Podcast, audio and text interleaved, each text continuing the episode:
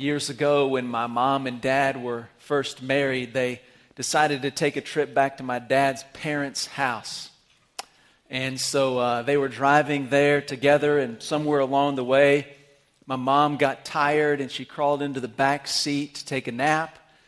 About 30, 40 miles away from my parents' house, my dad decided to stop and get gas before they got there so he'd have a full tank. And so he stops, fills up with gas, and he has to go into the filling station, into the gas station to pay.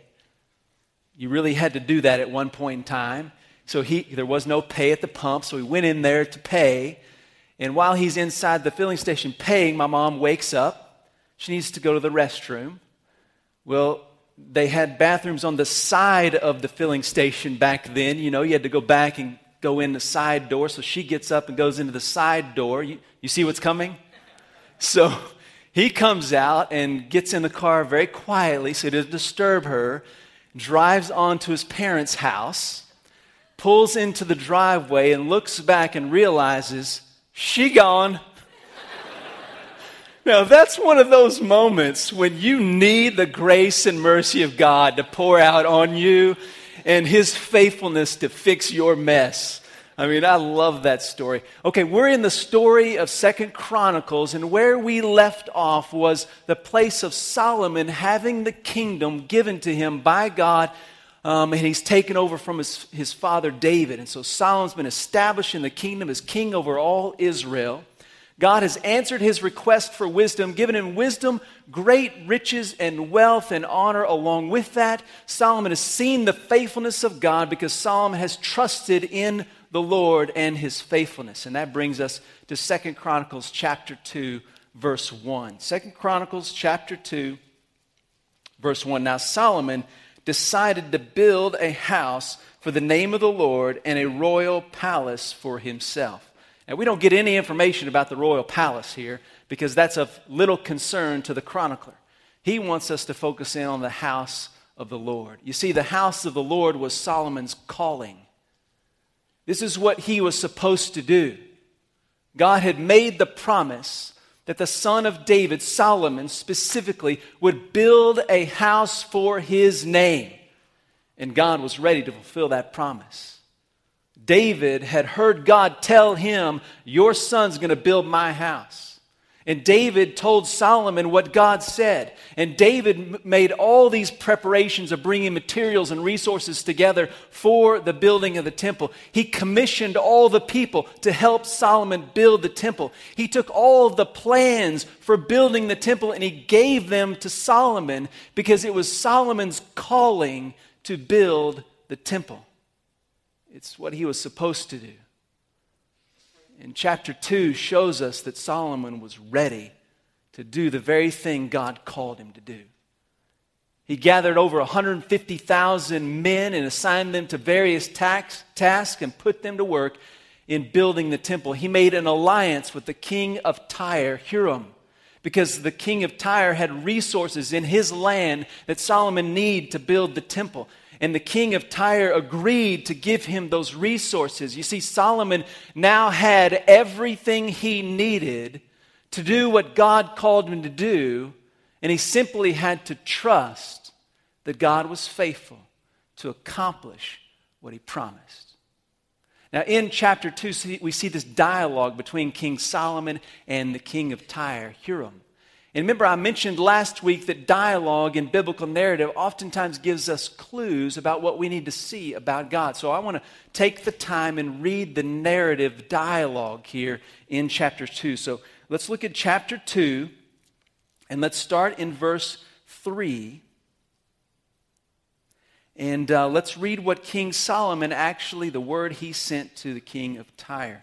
As you dealt with David, my father, and sent him cedars to build him a house to dwell in, so do for me. Behold, I am about to build a house for the name of the Lord my God, dedicating it to him to burn fragrant incense before him, to set out the showbread continually, to offer burnt offerings morning and evening, on Sabbaths, on new moons, and on the appointed feast of the Lord our God, this being required forever in Israel.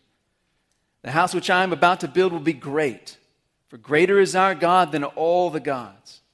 But who is able to build a house for him? For the heavens and the highest heavens cannot contain him. So who am I that I should build a house for him except to burn incense before him?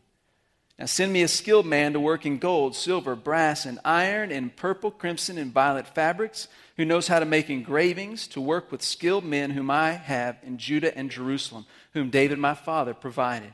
Send me also cedar, cypress, and algum timber from Lebanon, for I know that your servants know how to cut timber of Lebanon.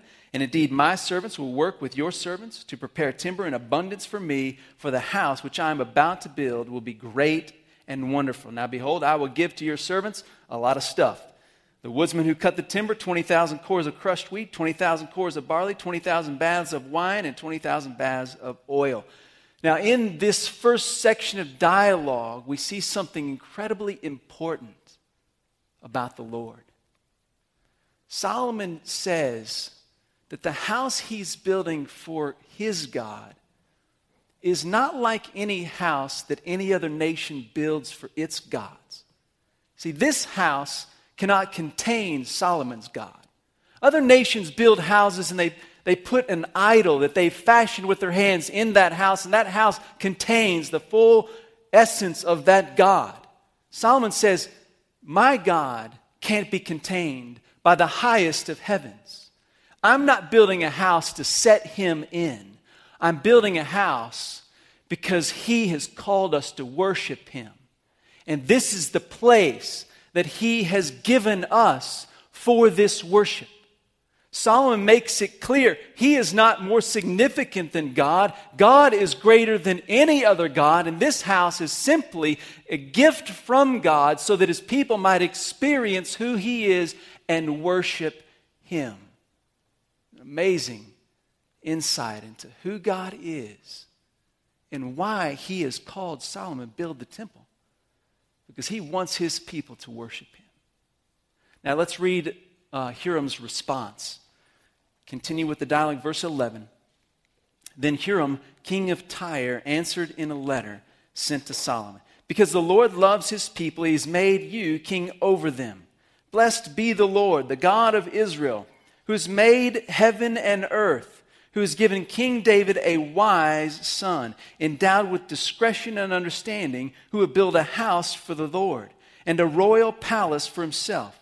Now I am sending Huram Abi, a skilled man, endowed with understanding, a son of a Danite woman and a Tyrian father who knows how to work in gold, silver, bronze, iron, stone, and wood, and purple, violet, linen, and crimson fabrics, who knows how to make all kinds of engravings and to execute any design which may be assigned to him, to work with your skilled men and with those of my, of my Lord David, your father. I mean, sending the LeBron James of Tyre. I mean, this, is, this guy is going to be able to do everything, you know. So now then, let my Lord send his servants wheat, barley, oil, wine, of which he has spoken. We will cut whatever timber you need from Lebanon, bring it to you on rafts by sea to Joppa, so that you may carry it up to Jerusalem. Now, there, there's something really fabulous about what Hiram says. Now consider that Hiram is the king of Tyre, a Gentile country. And he affirms something here for us. So he's on the outside looking in. He's not a part of God's people. He's a king of a foreign nation. And on the outside looking in, he sees that Solomon is wise and full of understanding. Now, what should that remind us of as story readers? That God is faithful. That, that, that, God gave Solomon so much wisdom that even those outside of Israel are beginning to see he is wise beyond measure. God is faithful. Now, Huram, being a Gentile king, also affirms something else that, that Solomon has said. See, Solomon talked about his God being greater than all other gods. The highest heavens cannot contain him. And here, a Gentile king says of the, king, of the God of Israel, he's the one who created the heavens and the earth. Huram has said, I know why God can't be contained by the highest heavens because I know that your God created the heavens and holds him in the palm of his hand. A Gentile king is affirming who God is and joins in participation in building and constructing the temple where God is calling people to worship Him. Can you see the picture here? God bringing together Gentile and Jew around the place He has called people to worship Him. It's an amazing foreshadowing of God's faithful plan. You can see in this dialogue, we get a picture of how the temple is being constructed for worship and how God is faithful to always accomplish what he promises. It's an amazing picture in this conversation between these two kings. Well, Solomon, because he has everything that he needs, because he knows God is faithful, he sets out to begin to build the temple of the Lord. What I love about him actually building it is that that is for us, the onlooker, the evidence of his faith, his trust in the Lord. How do we know Solomon trusted the Lord that God is faithful and will fulfill his promises? We built the temple. Who accomplished that? God in his faithfulness. But Solomon got to experience it through his trust in God's faithfulness. And so Solomon begins to undertake the building. And chapter 3 and 4 is simply a summary of what he did to accomplish building the temple. Chapter 3 talks a lot about the structure of the temple, gives some ideas about what it looks like. Doesn't go into great detail for a reason. The, the structure of the temple is not near as significant as the furnishings of the temple. We'll go into a little bit more detail on the furnishings, but the structure is magnificent. It's, it's about the size, if you were to start right here, go all the way to the back of the worship center, and just look at this middle aisle, that gives you the size of the dimensions of the temple. That's about how big Solomon's temple is. Now, there's a lot of gold talked about in the chapter. And if we're going to think about it in today's terminology, it'd be about 20 tons of gold used for covering all the stuff in the temple and the temple itself. And in today's dollars, it'd be somewhere around $600 million worth of gold. This place was magnificent. But, but, the, but the place itself, the structure, isn't near as significant as the furnishings that were to be used in the structure. Chapter 4 gives details about those furnishings. The first particular furnishing that's talked about is the altar, where all the offerings would be sacrificed. That altar is 30 feet by 30 feet and 15 feet high. Now, that's big. You could put a lot of stuff on that altar, and they did. And that's a huge, huge altar made for offering sacrifices to the Lord. The next thing he's talked about is the metal sea. That's just not merely a, a, wash basin for the priests to wash their hands in. This thing is like a backyard pool. The priest could have a pool party in this thing. It's, it's big. You could nearly put a high dive on it. I mean, it's really big. And then you've got everything there that's covered in gold. What's not covered in gold is made out of bronze or silver. So much bronze is being used in the furnishings that you can't even determine the amount of it. It's unbelievable. You got tables and lampstands, you got bowls and utensils, and all of these furnishings are indicating there is going to be active participation in the worship of God by his people. It's an amazing picture of what God is accomplishing for His purposes, that His people might worship Him.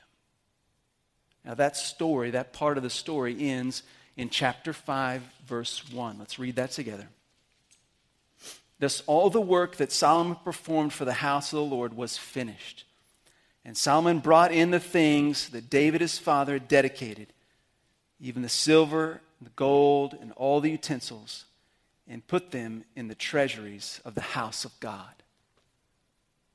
Solomon finished the temple. God had called him to build the temple. God had provided everything he needed to build the temple.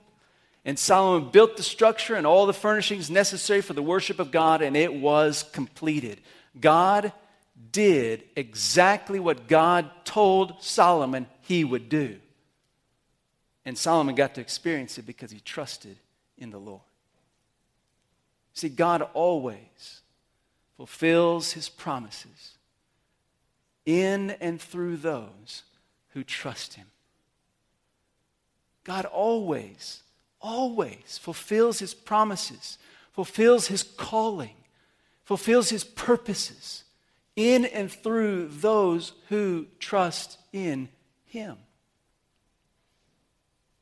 Did you know every moment in history where God reveals himself, it is a moment for those who see him to make a decision to trust. And what I want you to see this morning is what we've read is not just reading about such a moment. Now, certainly, we've read about a moment where God revealed himself and Solomon responded to him with trust. But that's not all we've done this morning. I, I want you to grab this every single week we meet. This is one of those moments.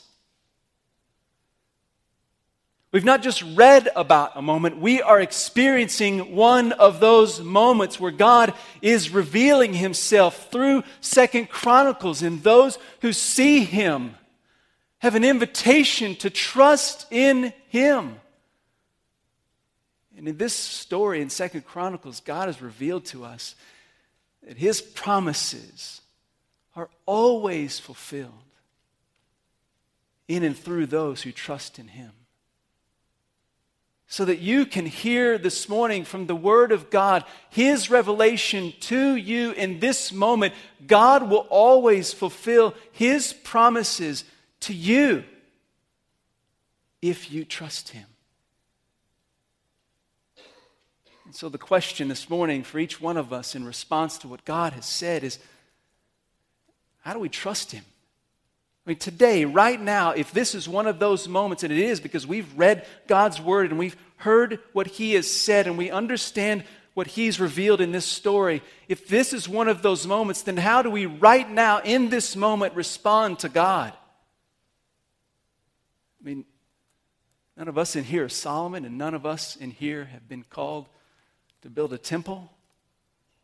What is trusting God in this moment really look like? I really believe that Second Chronicles here gives us a great pathway to answering the question how do we trust him right now? See, there's an emphasis here in Second Chronicles 2 through 4 that echoes throughout the rest of Second Chronicles. It really began in the dialogue between Solomon and Hiram. The emphasis on God's purpose in worship with the temple. Now, now, look at chapter 3, verse 1. Chapter 3, verse 1. Then Solomon began to build the house of the Lord in Jerusalem on Mount Moriah, where the Lord appeared to his father David at the place that David had prepared on the threshing floor of Ornan the Jebusite. Right there, the story gives us a little teaser.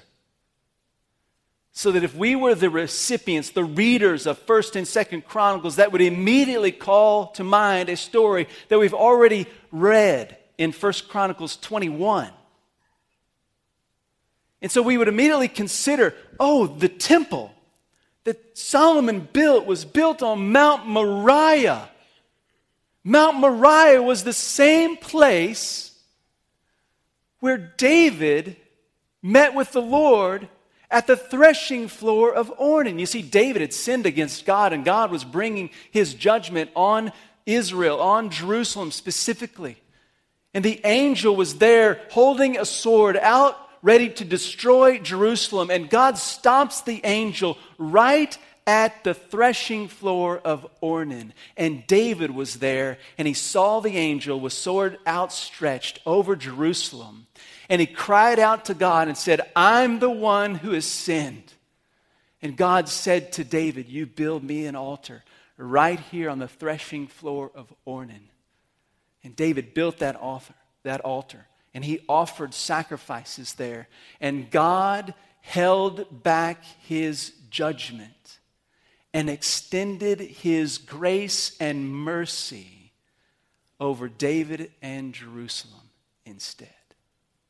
At Mount Moriah, all of that occurred. And that's the place where God has said, Build my temple. Because the temple is the place where sinful people will meet with their holy God and he will withhold judgment so that he might extend grace and mercy in their worship of him. Amazing. Absolutely amazing.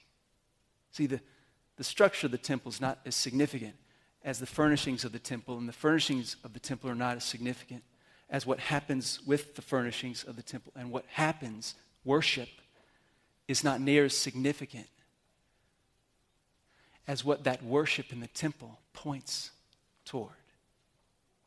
If you look at the bigger story of Scripture, if you think outside the context of just this small story, which is couched with these other stories, and you think about the setting of the big picture of Scripture, there's one other story in Scripture that refers to Mount Moriah. It's found in Genesis chapter 22, where God tests Abraham. Abraham lays his son on the altar to make a sacrifice to the Lord his God. And he takes a knife and lifts it above his son to slay his son. And At the moment he's going to slay his son, God holds him back. And he says to Abraham, There's a ram caught in the thicket. You take that ram and you replace your son Isaac, and you offer that ram in your son's place. And on that day, Abraham called God his provider because God had provided a substitute sacrifice that resulted in the life of his son. All of that happened at Mount Moriah. And that's the place God said, I want you to build my temple. Because this is the place where God is going to receive substitute sacrifices for the sins of the people, so that the people might be spared and enjoy the fruitfulness of worshiping their God.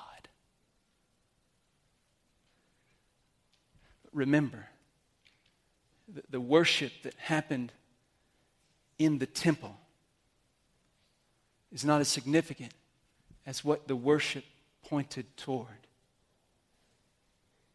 when Jesus walked on the earth in Matthew chapter 12, verse 6, Jesus says, Something more significant than the temple is here.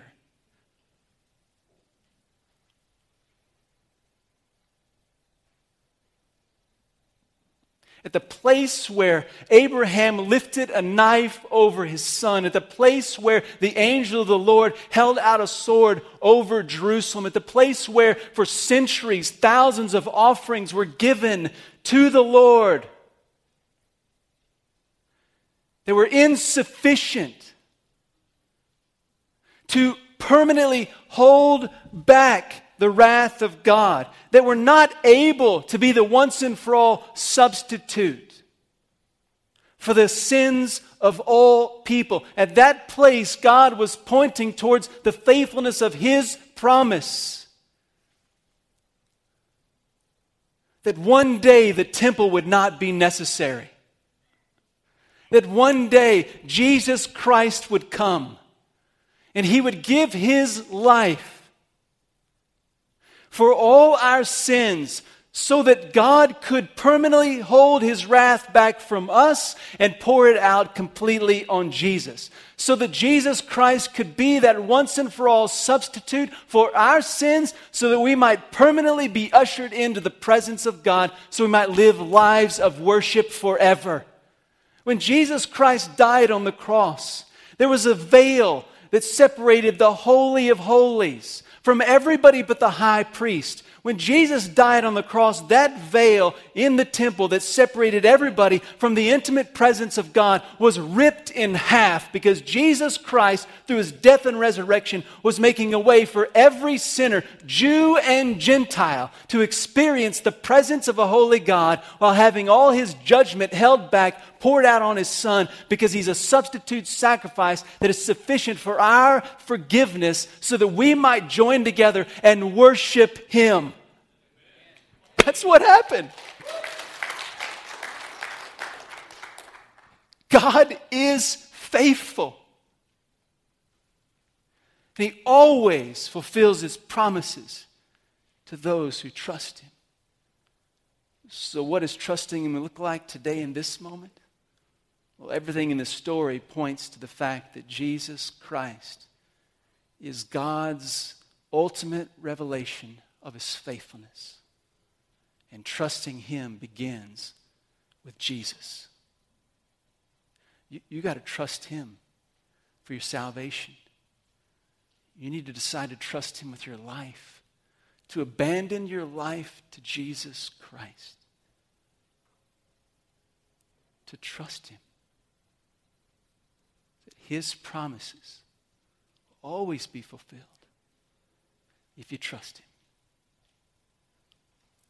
Back in 1995, I was a college minister on a college campus with the Baptist Student Ministry. And I walked into my um, boss's office one day, early in 1995, and I told him, I believe that God has called me to be a college pastor at a local church in our community.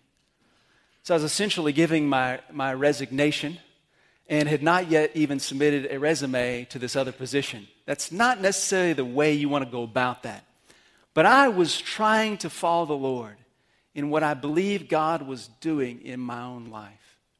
And so I went to the uh, chairman of the search team from this local church and I submitted my resume to him, and he was very cordial. And he said, I appreciate your interest in our position, but I want you to know, just so you'll know, that we've already located a candidate, and we are committed to following the, the Lord's will in regard to this candidate. We believe that we are going to fill the position.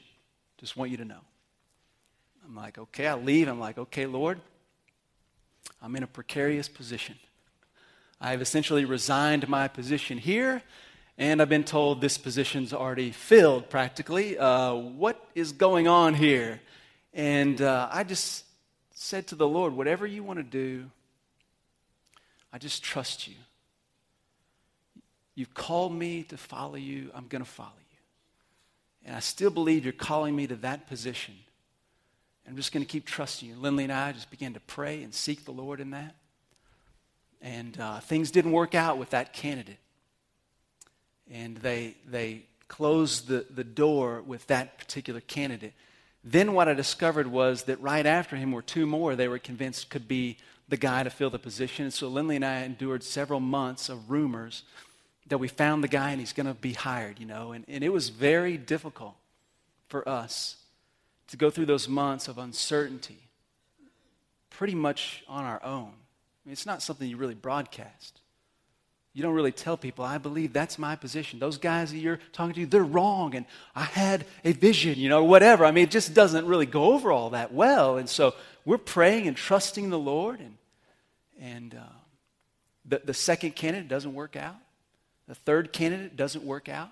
And the search team decides to re examine all the resumes. So they do that, and somehow my resume is chosen to be the next person they talk to. I get a phone call. They want me to come in and interview. And I'm like, this is God's calling for my life. I knew it. You know, and I'm so excited. I walk into the interview, and about five minutes into the interview, something happens that you never want to happen in an interview. And to this day, I don't know exactly what happened, but I can describe it as this complete disaster. It was awful the pastor and I start talking about things, and he just shuts down. I've said something that's made him mad, and it's over. I mean, it is literally over. And I'm just sitting there going, in my mind, I'm thinking, this could not have gone worse.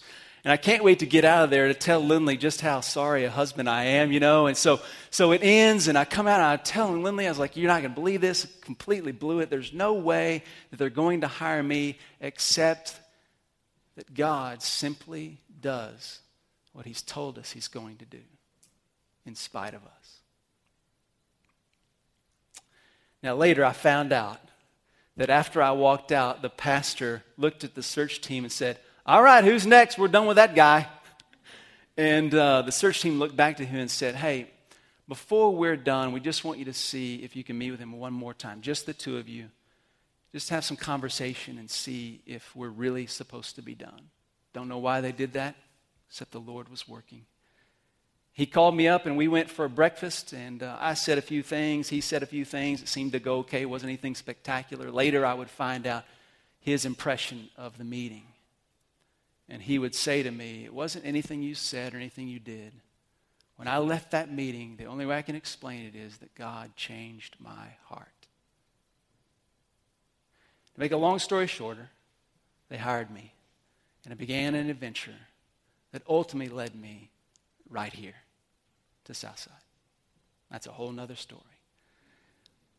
But I, I want you to hear that I could tell you so many stories just about my life and how God has issued callings along the way.